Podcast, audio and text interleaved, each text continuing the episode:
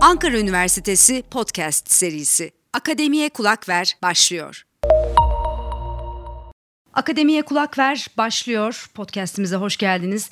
Bugün yine çok değerli bir uzman konuğumuz var. Ankara Üniversitesi Tıp Fakültesi Psikiyatri Anabilim Dalı öğretim üyesi doçent doktor Sayın Berker Duman hocamızla birlikteyiz. Hocam merhaba, hoş geldiniz. Merhaba Fulya Hanım. Evet bugün önemli bir konuyu sizinle konuşacağız. Afetler sonrasında özellikle tabii ki yaşadığımız deprem felaketi sonrasındaki yaşanan psikolojik bozukluklar, travmalar ve depremin ruh sağlığımız üzerindeki etkileri. Gerçekten toplumsal anlamda bir e, travma yaşıyoruz ama depremzedeler için tabii ki çok çok zor bir durum. Tarif edilemez e, acılar e, söz konusu. Belki daha sonradan ortaya çıkabilecek olan psikolojik bozukluklar olabilir. Hem biz onlara nasıl yaklaşmalıyız hem profesyonel anlamda neler yapılmalı, kurumların e, yapması gerekenler bütün bunlarla ilgili sohbetimiz başlıyor. Önce isterseniz Ankara Üniversitesi'nin çok önemli bir hizmeti var. Tıp fakültemiz bünyesinde depremden hemen sonra kurulan bir afet ve travma polikliniği var. Siz de orada görevli uzmanlardan birisiniz. Biraz anlatır mısınız? Kimler faydalanabilir bu hizmetten? Özellikle tabii depremzedelere veya depremzede yakınlarına yönelik bir ücretsiz hizmet söz konusu. İsterseniz detayları sizden alalım. Evet, e, yani depremden hemen sonra e, böyle bir ihtiyaç olduğunu gördük ve bu yönde bir girişimimiz oldu. E, depremden etkilenen, birinci derece etkilenen ve dolaylı etkilenenlerin başvurabileceği, depremle ilişkili olarak e, psikiyatrik sorunlar ya da psikolojik zorluklar yaşayan kişilerin e, yararlanabileceği bir poliklinik hizmete sokuldu. Ankara Üniversitesi Tıp Fakültesi Psikiyatri Kliniğinin içerisinde. E, bu bu e, yönde eğer yardım alma ihtiyacı olan kişiler varsa doğrudan randevusuz bir şekilde e, başvurabilirler. Nereye gelecekler?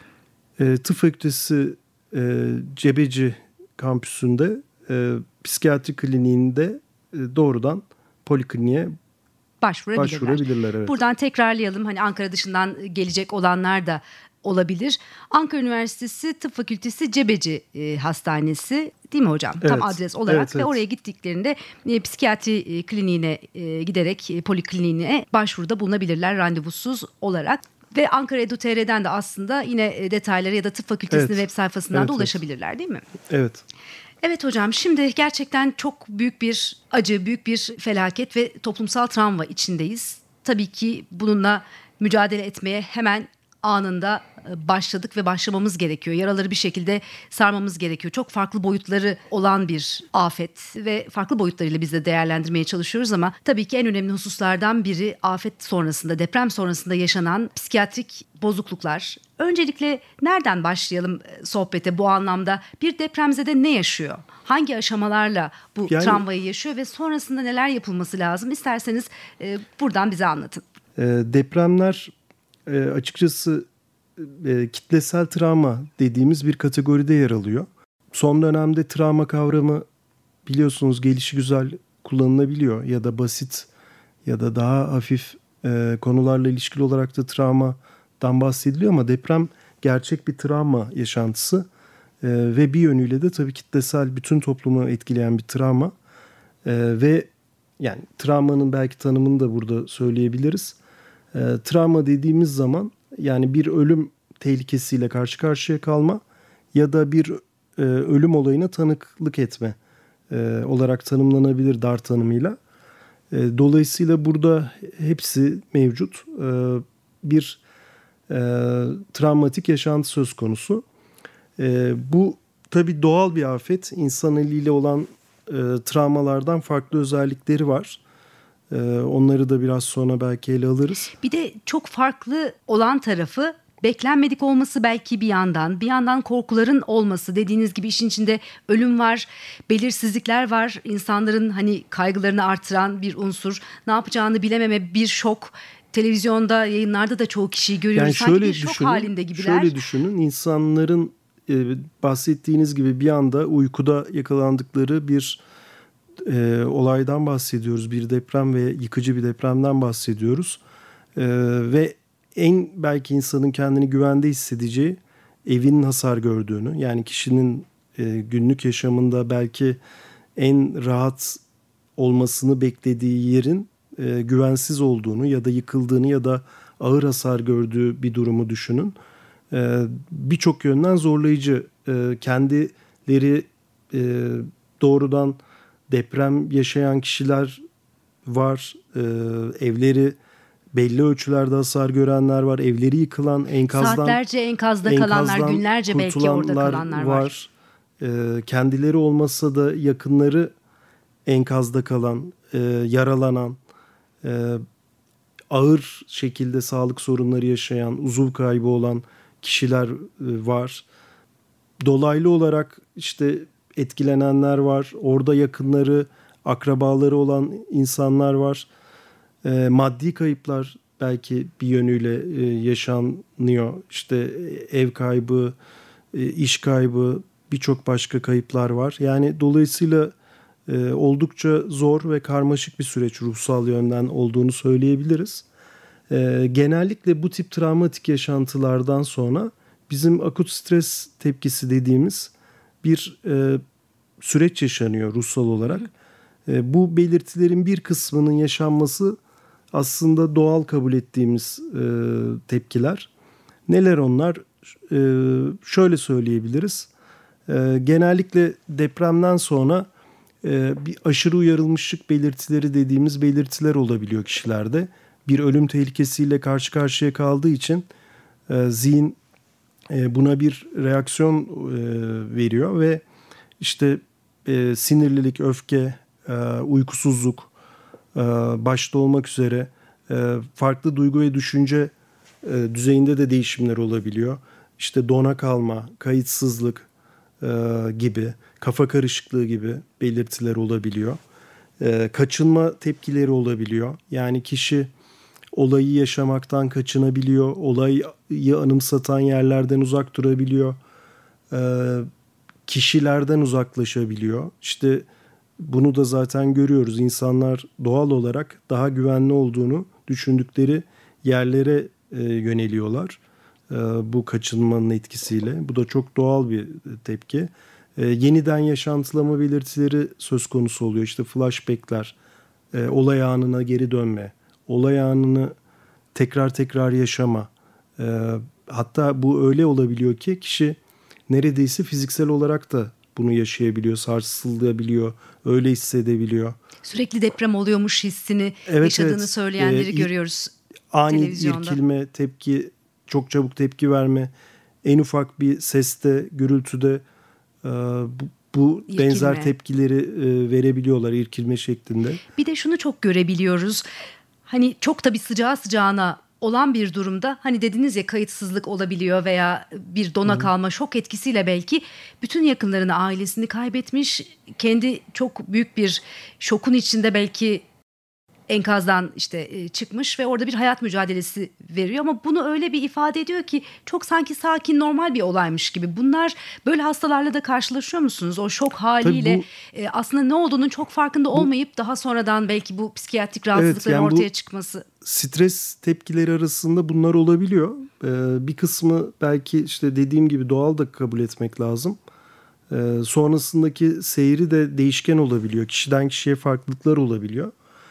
Ee, belki şu nokta da önemli. Onu da konuşmakta yarar var. Herkes de eşit derecede etkilenmiyor Fulya Hanım. Şimdi e, depremi bahsettiğiniz kişiler olabileceği gibi depremi en ağır şekilde yaşayan ama günlük yaşamına devam edebilen kişiler de olabiliyor.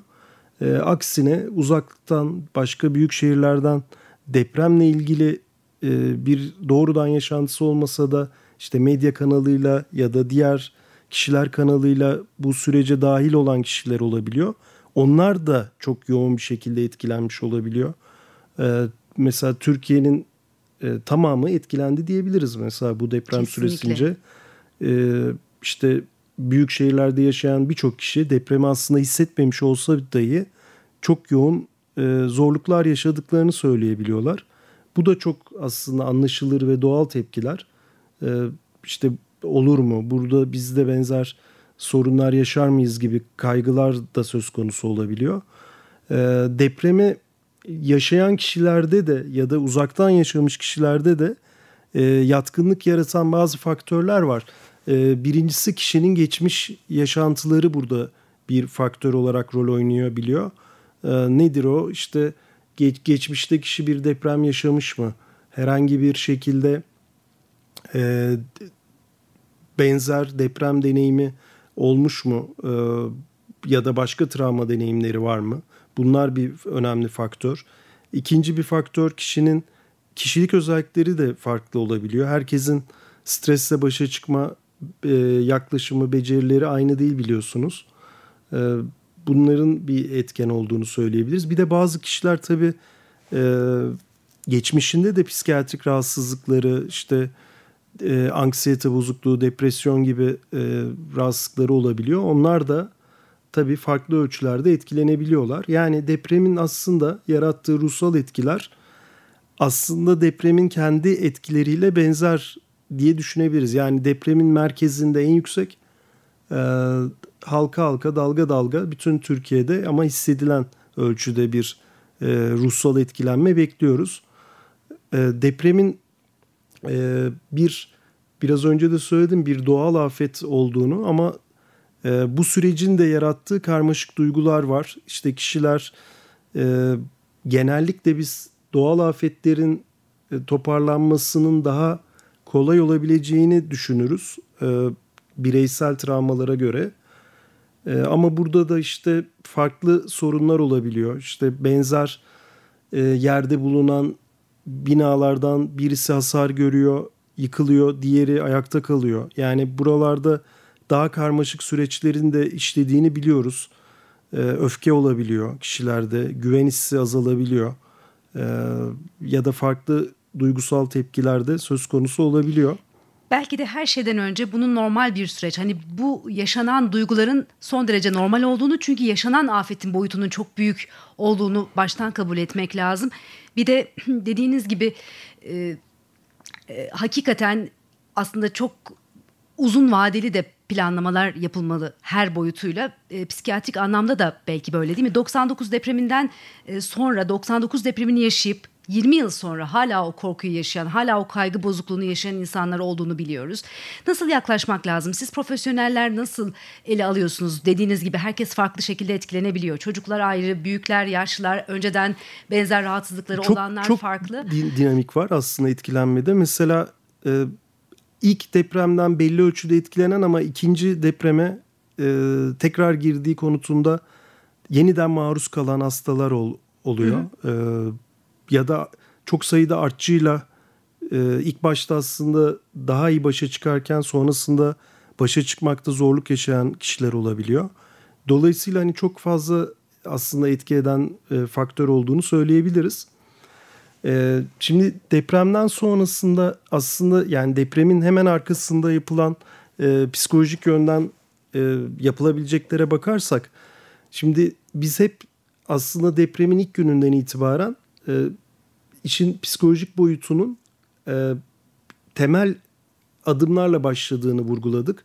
Yani nedir onlar? Kişinin öncelikle bir güvenli e, yere alınması. Yani depremi yaşamış bir kişinin ilk ihtiyaç duyduğu şey psikolojik anlamda güven da öyle. Güven duygusu değil mi? Güven duygusu ve güvenli bir yere alınması. İki işte bununla birlikte barınma imkanlarının ve temel yaşam desteklerinin sağlanması ki biz buna psikolojik ilk yardım diyoruz. Ee, öncelikle depremin belki ilk günlerinde, ilk e, haftalarında yapılması gereken uygulama bu. Belli ölçülerde de yapılmaya çalışıldı bu. Ee, kamu kanalıyla ya da sivil toplum kuruluşları kanalıyla. Ee, hemen akabinde de işte bu biraz önce bahsettiğimiz aslında doğal tepkiler dediğimiz tepkilerin e, zamanla azalan kişiler olabileceği gibi azalmayan ya da devam eden daha da artan ya da sonradan artan kişiler olabileceğini de biliyoruz. O zaman o durumlarda da kişilerin e, belki yardım alması ama bu aradaki çok sayıda belki yüz binlerce milyonlarca kişi için de yapılabilecekler olabilir. Çünkü depremi yaşayan herkesin bir ruh sağlığı uzmanıyla görüşmesi e, pratik olarak da mümkün olmayabilir ve çok belki gerekli de olmayabilir. E, kişilerin biraz önce söyledik işte en çok ihtiyaç duyduğu şey güven e, duygusu ve bununla birlikte dayanışma önemli kavramlardan birisi. Yani kişi e, bu dayanışma hissini yaşıyor mu? Ne ölçüde e, yaşıyor? E, bu kendi aile sosyal bağlarıyla olabilir. e, kamu ya da diğer kanallarla bunu hissedebilir. Bu his önemli. Yani e, destek olunuyor hissi Belki bir arada yaşaması. olmak, yardım evet, almaktan evet. çekinmemek, konuşmaktan çekinmemek gibi kişinin kendine yapabileceği e, belki yardımlar. Evet o noktada da çok fazla şey var aslında. Yani e, hatta bunları öneririz. Yani kişinin e, depremle ilgili olarak e, yaşadıklarını, duygularını ifade etmesi teşvik ettiğimiz bir konu örneğin. Yani deprem sırasında yaşadıklarını kişi paylaşabilir, korkularını, endişelerini paylaşabilir. Bunu yakınlarıyla da paylaşabilir kişiler. E, ve hani bu oldukça yararlı olabilir uzun vadede. E, ama bu noktada da şunu vurgulamak lazım. Mesela e, anlat açılırsın işte niye anlatmıyorsun gibi baskılar olabiliyor etraftan. Diyelim ki e, depremden etkilenen kişinin e, yakınları böyle şeylerde bulunabiliyor. E, ona da çok açıkçası e, yararlı diye bakmıyoruz. Yani konuşmak istemiyorsa çok zorlamamak. Evet evet yani kişi e, çok istekli değilse onu da çok böyle zorlamamak, o yönde e, baskı yapmamak gerekiyor. Bunun dışında bazen iyi niyetli olarak işte yine e, buna benzer şekilde işte e, deniyor ki şuraya git, bunu yap, sen en iyisi şöyle bir karar ver, e, şunu al, şunu sat gibi. E, burada da çok dikte edici bir yaklaşım uygun değil bizim açımızdan. Yani evet bazı önerilerde bulunabilir ama bunu sınırlı yapmak yine o kişinin e, kendisine birçok şeyi e, bırakmak öncelikle yararlı olacaktır. Çünkü çok büyük bir baskı altındalar. Zaten bir belirsizlik var, evet. gelecek kaygısı var belki. Pek çok şeyi düşünmek zorunda o kişiler. Dolayısıyla etraftan da böyle bir baskı değil de daha bir güven duygusu, destek olucu ifadeler herhalde daha faydalı olur değil mi? Evet. Bizler başka neler yapabiliriz? Mesela deniyor ya çocukların yanında işte konuşmayın, televizyonu açmayın veya o deprem konusu hiç yokmuş gibi davranın mı? Yoksa dediğiniz gibi ihtiyaç olunduğunda yanındayım hissini vermek. Hem toplumsal anlamda yakınlarımıza hem de kurumların belki yardım kuruluşları açısından e, dernekler bu sivil toplum kuruluşları açısından bakıldığında da genel anlamda neler yapılabilir? Yani şöyle e, bu biraz önce söylediğim işte duyguları ifade etme, e, paylaşmanın yanı sıra işte yapılmaması gerekenler de çok önemli. Onları da tamamlayıp isterseniz e, neler yapılmasına devam edelim. E, bir diğer nokta önemli olan Fulya Hanım o da e, çok böyle hızlıca basit güvenceler verilebiliyor kişilere. Mesela o e, çok önerdiğimiz bir şey değil. Merak etme her şey düzelecek, her şey yoluna girecek gibi. Ya da işte yararlı olacağını düşündüğü, düşündüğü telkinlerde bulunabiliyor kişiler. Senin durumun yine iyi bak neler var falan gibi. Ee, Akıl yani, verme gibi biraz. Bu, evet yani bunlar çok yararlı yaklaşımlar değil. Ee, onlardan kaçınmak gerekiyor. Sadece kişileri e, dinlemek, e, onlara gerektiğinde destek olunacağı ve olunduğu e, hissini, güvenini vermek öncelikle yapılması gereken. Onun dışında bu süreçte işte çok böyle tutulamayacak sözlerden kaçınılmalı. Hem kişinin kendi yakın çevresinde hem de genel Türkiye genelinde söylemek lazım. E, bu noktayı da önemsiyoruz. Çünkü insanlar iyi niyetle de olsa bazen fazla vaatlerde, sözlerde bulunabiliyorlar. Ee, hani bunun da gerçekçi olmasında fayda var. Ee, bir diğer belki en önemli konulardan birisi de bu süreçteki yaşanan psikolojik ve sosyal gereksinimlerin uzun vadeli devam etmesi gerektiği. Yani biz özellikle depremin ilk günlerinden itibaren toplumca herkes elinden geleni yapmaya çalıştığı bunu görüyoruz biz de. Ama bunun sadece bir hafta bir ay değil belki uzun bir süre devam ettirilmesi kıymetli. Yani belki 3 ay sonra ihtiyacı olacak o kişilerin. 6 ay sonra daha çok ihtiyaçları olacak. Bilemiyoruz bunu. Dolayısıyla sürekliliğin sağlanması da bir diğer nokta. E, depremde yine e, tabii ki medya ve sosyal medya kanalıyla çok fazla maruziyet söz, konusu oluyor. E, biliyorsunuz işte sürekli enkaz görüntüleri e, ya da bir takım işte trajik görüntüler paylaşılıyor. Yani bunlarla e, ilişkiyi, teması sınırlandırmak iyi olabilir. Bu konuda zorluk yaşayan kişiler için bunu söyleyebiliriz. Yani sürekli depremin o travmatik görüntülerine maruz kalmak iyi gelmeyebilir. E, bu e, belki alınabilecek bir önlem. E, çocuklarla ilişkide ya da depremden etkilenen kişilerle iletişimde bazen e, sorular geliyor şu şekilde. İşte e, mesela yakına etkilendi, haberi yok. İşte nasıl söyleyelim mi, söylemeyelim mi? E, çocuklara ya da yetişkin de olsa bu gibi sorular geliyor. Burada genel olarak bir yanıt verebiliriz. Bir defa her zaman doğruları söylemek gerekiyor. Hiçbir zaman hani yanlış bilgi iyi niyetle de olsa söylenmemeli. Çünkü o da yine güven hissiyle ilişkili bir şey. Ee, bir çocuk düşünün hani en çok güveneceği kişiden iyi niyetle de olsa doğru olmayan bir şey duyuyor. Mesela ee, vefat eden birinin hayır ölmedi yaşıyor evet, demek aslında gibi mi? hastanede tedavi görüyor deniyor mesela. Çocuk etkilenmesin diye. Ee, bu tip yaklaşımlar çok doğru değil açıkçası. Uygun bir dille e, çocuğun yaşına ya da yetişkin kişinin yaşına durumuna göre bunlar mutlaka açıklanmalı ve mümkünse açıklayacak kişinin de yakın bir kişi olması önemli. Yani bunu e, işte bazen bir psikolog mu söylese ya da bir psikiyatri uzmanı mı söylese deniyor. Ya da bir hekim başka bir hekim mi söylese hayır. Yani o ailedeki en yakınındaki kişi kimse e, mümkünse onun söylem, söylemesi doğru olur. E, bunun dışında e, deprem sonrasındaki süreçte e, açıkçası mümkün olduğunca e, şartlar izin verdiğince normalleşmeyi sağlamaya çalışmak iyi olabilir.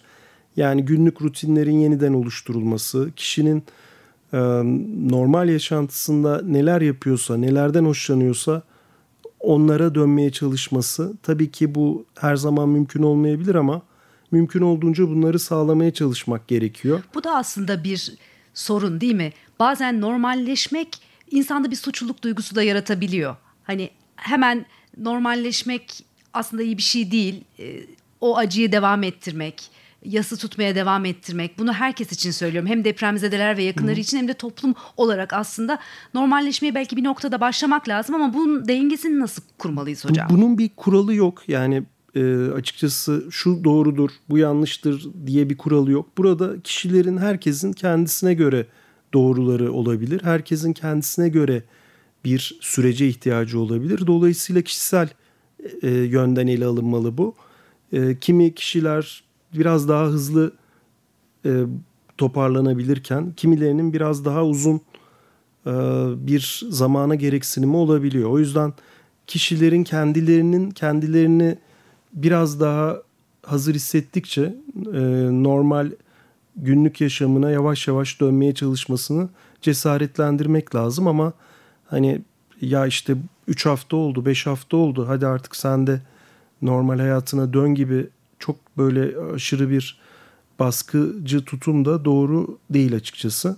Peki bir de tabii şunu sormak istiyorum. Genel anlamda kaygı bozukluğu da çok rastlanan bir e, durum herhalde. Sadece depremzedeler için değil. Bundan sonrası için tabii ki önlemler alınmalı. Bu konuda bilinçlenmeliyiz. Hep hepimiz bütün afetlere karşı belki ama bunun dozunu artıranlara neler tavsiye edersiniz? Sürekli olarak işte o anksiyete bozukluğunu yaşıyorum ya deprem olursa ya bir şey olursa dediğiniz gibi belki o deprem bölgesinde bile değil ama ciddi travmalar başka toplumun başka kesimleri içinde söz konusu. Genel anlamda kaygı bozukluğunu çok üst düzeyde yaşayan kişilere neler tavsiye Açıkçası şöyle yani kaygı bozukluğu ya da anksiyete belirtileri zaten belli ölçüde herkes yaşıyor. Yani ben hemen hemen herkeste ama az ama çok bu tip e, kaygıları görüyorum. E, kimi kişilerde tabii bu daha yoğunlaşıyor. E, orada da aslında e, kişinin biraz bunun doğal olduğunu kabul etmesinde yarar var. Yani bu gibi kaygılar, korkular çok anlaşılır bir yönüyle. İşte sürekli biliyorsunuz medyada işte Marmara bölgesinde örneğin bir deprem olacağı söyleniyor ya da e, deprem bölgesinde işte belki farklı yeni depremlerin de olabileceği söyleniyor. Yine Türkiye'nin e, deprem bölgesi tamamının belli ölçülerde deprem riski taşıdığı söyleniyor. E şimdi hassas kişiler tabii bundan biraz daha fazla etkileniyorlar. Ha bir yönüyle de yersiz dediği bu kaygılar anlaşılır belli yönleriyle. E, kişilerin burada yapılması gereken yine aslında biraz önce depremle ilişkili olarak bahsettiğimiz öneriler geçerli. Yani yaşadıklarını paylaşmaları, en yakınındaki kişilerle yaşadıkları duygusal zorlukları paylaşmaları, kendilerini daha güvenli hissettikleri bir alanda olmaları, e, işte mümkünse e, uyku düzeninin, e, yeme içme düzeninin ve günlük rutinlerinin bir an önce sağlanmaya çalışılması herhalde ilk yapılacaklar. Ama çok bunların ötesinde devam eden ruhsal zorlukları olanların belki gerektiğinde bir psikiyatrik yardım içinde başvuruda bulunması gerekebilir. Biz depremden etkilenen kişilerin özellikle ilk haftalarda çok özellikle bir davranışsal zorluk yoksa ya da günlük hayatına etki eden çok ağır bunların konuştuklarımız ötesinde bir durum yoksa e, pek e, başvurmalarını önermiyoruz. Hani özellikle başvurmalarını ama e, depremin ilk ayının sonlarından itibaren bu biraz önce konuştuğumuz belirtilerin devam etmesi, azalmaması e, ya da ek sorunlar olması durumunda e, bir psikiyatrik yardım, bir ruhsal destek gereksinimi olabilir. Öyle durumlarda da ilgili kurumlara başvurabilirler. Bundan kaçınmamaları lazım. Bunun altını Tabii. çizelim. Gerçekten hiç kolay değil. O travmayı, depremi yaşamak, Hı-hı. yakınları kaybetmek, evsiz, barksız kalmak dışında sonrasında yepyeni bir hayata başlamak durumunda kalanlar, gelecekle ilgili belirsizlikler, işte işinin gücünün olmaması pek çok şey, pek çok unsur var. Dolayısıyla yardım almaktan çekinmemek herhalde gerekiyor. Son olarak hocam neler söylemek istersiniz? Unuttuğumuz bir nokta var mı? Veya özellikle yardım almak isteyenlere önerileriniz, yönlendirebileceğiniz noktalar. Ankara Üniversitesi Psikiyatri Polikliniğini bir kez daha hatırlatalım. Herkese açık Ankara Tıp Fakültesi Cebeci yerleşkesinde psikiyatri bölümüne evet, giderek ben, aslında kayıt olabilirler. Ben her, hepimize tekrar başsağlığı diliyorum ve e, geçmiş olsun diliyorum. Hani umarım bu böyle büyük felaketleri tekrar milletçe yaşamayız. Ee, dediğim gibi yani özellikle artık bu önümüzdeki haftadan itibaren bu bahsettiğimiz ruhsal zorlukları yaşayan kişiler söz konusu olursa e, işte kendi kliniğimize de başvurabilirler ama e, birçok büyük hastanede, üniversitede de bu yönde hizmetler veriliyor. Şu anda ücretsiz ve randevusuz hizmetler evet, veriliyor evet. pek çok konuda evet, değil mi? E, yani bir destek gereksinimi hissediyorlarsa e, destek için önümüzdeki haftalarda da başvurabilirler. Çok teşekkür ediyoruz. Herkese tekrar geçmiş olsun diyoruz. Tüm topluma aslında tüm e, ülkemize başsağlığı dileklerimizi tekrar iletiyoruz. Umuyoruz ki yaraları sarmaya bir noktadan başlayacağız ve umut dolu olmak herhalde ve bir yerden de o dayanışma duygusunu eksik etmeden birbirimizin yanında e, olmak gerekiyor. Hocam çok teşekkür ediyoruz doçent doktor Sayın Berker Duman katıldığınız için size de kolaylıklar diliyoruz. Teşekkür ederim.